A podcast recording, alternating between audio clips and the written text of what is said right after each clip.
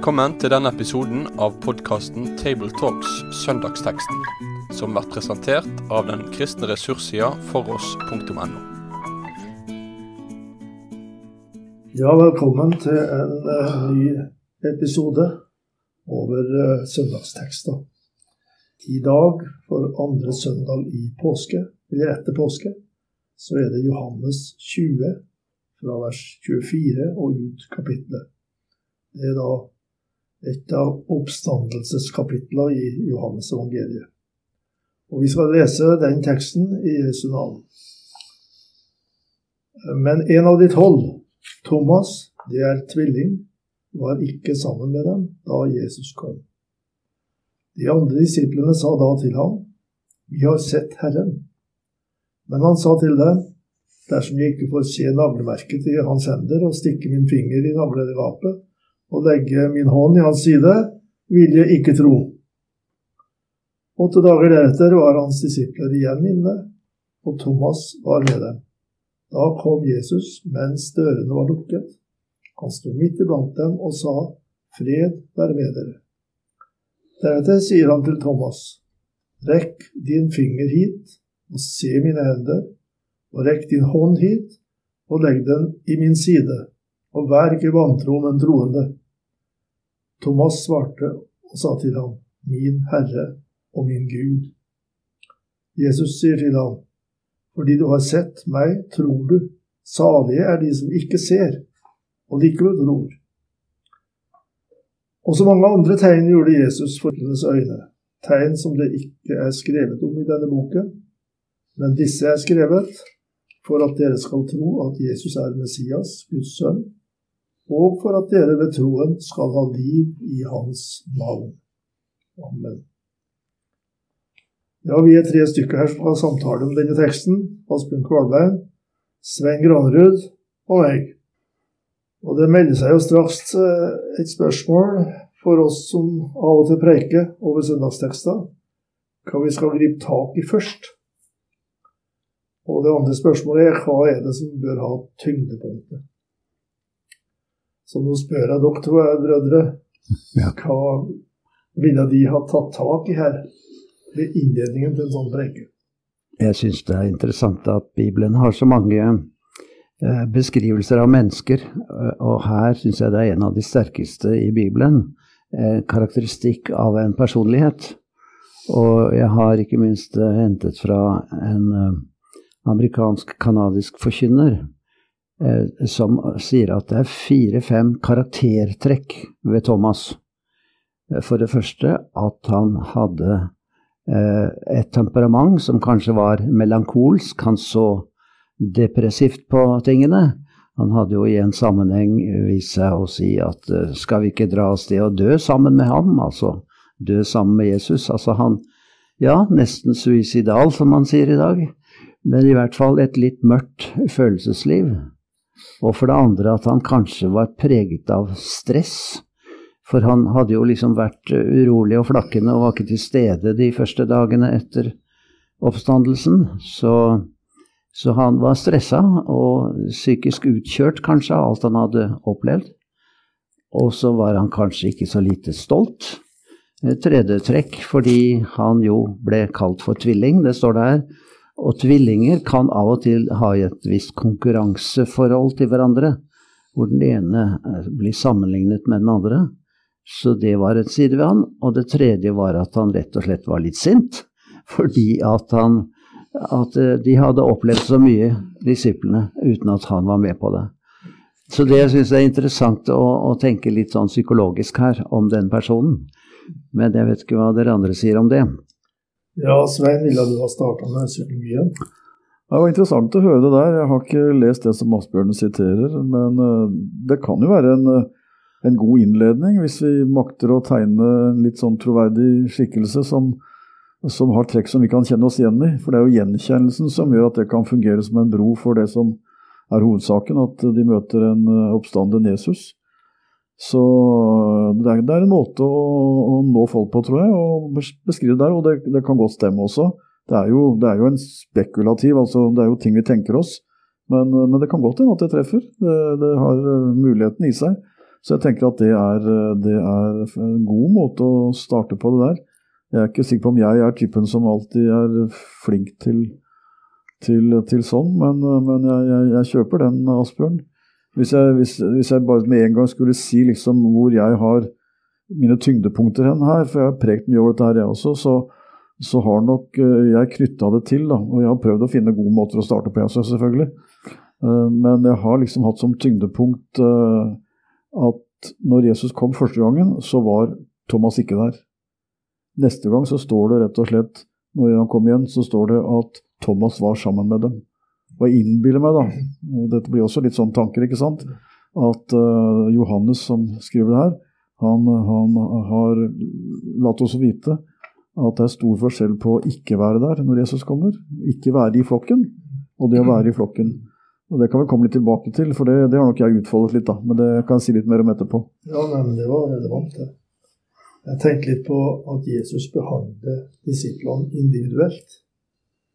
Det, det har vi flere eksempler på, da, med Simon Peter, ikke minst, og Philip og Thomas her. Eh, så han tar seg av dem og er med inn i deres livssituasjon. Jeg kom også på at eh, det er veldig mye om Thomas i den tidlige overleveringen fra Oldkirka. Han eh, Det sies at han havna helt i India. Mm. Grunnla kirke. Og ble en eh, viktig eh, apostel for kristne kirker østover. Det er en del av dette som er legendarisk stoff, tror jeg, men allikevel så sier det noe om at denne tvileren han ble så overbevist at han tok ansvar og hadde med seg evangeliet østover. Det er sannsynligvis ganske uh, riktig. Men når det gjelder hovedpoengene i budskapet i teksten, her, da, så er det jo hans bekjennelse som respons på at han ser Jesus har stått opp, som blir liksom en sånn uh, sentrum i sirkelen. da. Du er uh, min Herre og min Gud det er responsen hans etter at han ser at dette er virkelig den samme som ble korsfesta. Men nå har han stått opp. Han er guddommelig. Ja, det er, eh, det er, ofte fremstilt slik at uh, Thomas var tvileren, og det er vel riktig at han var det. På en måte så var han noe mer. Han hadde en vantro, så å si. At han manglet troen. Og dette sier jo da Eh, Jesus til han også at vær ikke tvilende, men tro. Så, så, han gikk inn i en veldig forandring i sin holdning til Jesus.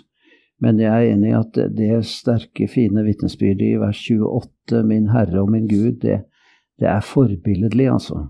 Fordi at han bruker jo da ordet Herre Javé, slik at det er en veldig bekjennelse til at Jesus, det mennesket, er Gud og en uh, virkelig oppfyllelse av Det gamle testamentets uh, profetier.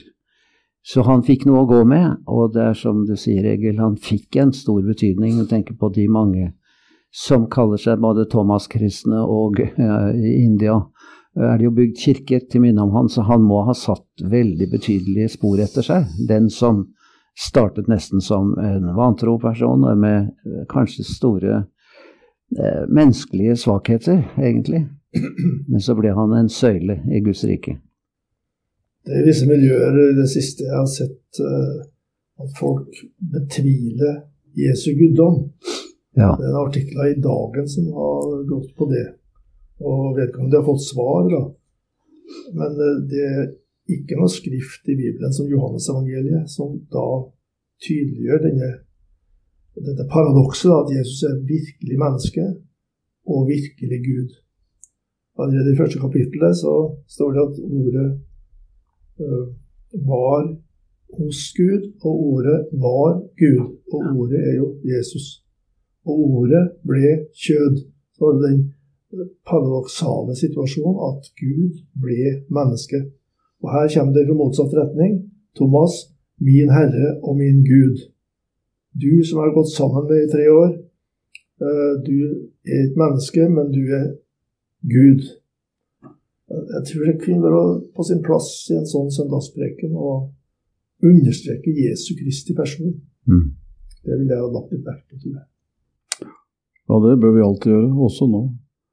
Bare for å fortsette litt eh, det som jeg har hatt som et innsteg her noen ganger. Eh, Og det går rett og slett på at kanskje Thomas opplever det som ja, som 1. Peter 1,8 skriver, at troen vår blir prøvet. For det blir den jo når vi møter tvil, og enten tvilen da er eh, forårsaket i min unnfallenhet, eller at Gud tillater det, det, det er jo ikke så interessant i og for seg, men, men Thomas vil i ettertid kunne vitne om at hans tro ble prøvet, og at det skjedde sånn og sånn. Jeg var der ikke, og de andre kom og fortalte de hadde sett, og de var så begeistret. Du skulle bare visst hvor ille det var å være en som ikke hadde sett det som du aldri hadde sett. Jeg tenker Det er ikke så veldig spekulativt det heller, å tenke seg at det må ha vært ille å være Thomas disse dagene hvor de andre hadde møtt han, og han hadde ikke. Og Det er også litt gjenkjennelig tenker jeg, i våre menigheter og forsamlinger. De andre står begeistret på scenen og forteller om hva de har opplevd og vitner om. og, sånn, ikke sant? De har sett og hørt og trodd. Så sitter jeg på bakerste benk og, har ikke sett noe av det. Jeg tenker Kanskje Thomas hadde det sånn. Og det er da jeg nå skal ikke bruke mye tid på det, da, men bare for å antyde, har, har sett for meg øh, og sagt litt fra prekestolen også Kanskje har Peter og de andre disiplene skjønt at Thomas ikke har hatt det greit. Kanskje de har skjønt at disse dagene her, for ikke i åtte dager må, Nå må vi ta litt vare på Thomas. dere, Han har ikke, har ikke sett det som vi har gjort. Han tviler. Vi har sett. Vi begynner liksom å ane noe her. Men, men Thomas sliter. Philip ser litt etter Thomas i dag. Eh, Andreas ser litt av det i dag så ikke Thomas blir borte på veien. For det er så fort å løse tvilens problem ved å stikke av. Gå inn i et uh, fortere og bli værende. Thomas var der når han kom tilbake, står det. Og Det, det verset jeg da satt mange streker under når jeg har prekt. For åtte dager kom Jesus tilbake, og så står det og Thomas var sammen med dem. Og Da tenker jeg kanskje disiplene skal ha litt ære for at de tok vare på Thomas. For det er når de er sammen med andre at jeg får se Jesus. Eh, Og da tenker jeg da kan jeg si litt om både til meg og til dem som av og til tviler. Ikke forsvinn fra flokken, løs problemet. Og til dere som ser at det er en Thomas og en Thomasine i forsamlingen, pass på at ikke de glir bort når de har det ille og alle dere andre har det greit. Det kan ligge en utfordring her, sånn at de er der når Jesus kommer og møter dem. Ja, dette har jeg prekt litt om. da. Når, når eh, jeg husker på skoletida, når vi leste denne teksten da, og hørte den, så var det setningen fra Jesus som nærmest måtte oppleves litt kritikk av. i. Salige er de som ikke ser og likevel tror. Det er det jeg husker fra første gangen dette, denne beretningen ble lest, eller jeg leste den sjøl. Ja, Det husker jeg jo. Jeg kjenner meg igjen i den. Ja. Ja. Det er noe med, med det uttrykket. altså Salige det de som ikke ser og likevel tror. Så det tyder på at Jesus forutser at gjennom kirkens historie så er det sjølve budskapet som vi skal forholde oss til, ikke syner. Men jeg har ikke oppfatta det der som kritikk i det hele tatt, men jeg har tenkt på det som den tiende saleprisningen. altså vi har nye i er- Altså det er et, et tilsagn som jeg må si til meg selv og andre. Du er lykkelig, du, som ikke ser og opplever, for du tror på grunnlag av et ord. Og det er din plass i denne verden og plass som en kristen, at du skal ikke oppleve alt, men du tror likevel. Um, og du er salig på, på tilstrekkelig grunnlag på det. Det er i hvert fall veldig viktig i eh, Skriften at budskapet er det som skaper tro. Ja. Eh, I Johannes 17, da Jesus ba den øverste prestelige bønnen, så sier han i vers 20 at han ber ikke bare for disse, altså for de som satt der da, men også for dem som ved deres ord kommer til å tro på meg. Så det er et viktig poeng, da, og at vi kan komme til tro, og at det er den normale veien å komme til tro på. Det er ved å høre det apostlene forkynner. Og det er poenget også i slutten av teksten vår. da. At eh, Johannes evangeliet er skriva for at dere skal tro det som er skrevet. Johannes evangeliet det er skriva med en bestemt hensikt. For målet er at vi skal tro at Jesus er Messias, Guds sønn, og for at dere ved troen skal ha liv i hans navn. Så det, det løftes fram veldig tydelig, da, det at eh, troen forholder seg til et budskap. og et budskap som lar oss få se med troens blikk. For Det er også noe som ikke bare vi tenker, men som Bibelen hjelper oss, hjelper oss til å se. Paulus sier at han maler Kristus gårdfestet på deres øyne. Hvordan gjør han det? Han gjør det med ord. Mm. Sånn at, eh, at, troens blikk kan se og danne seg bilde av det som Paulus forkynner.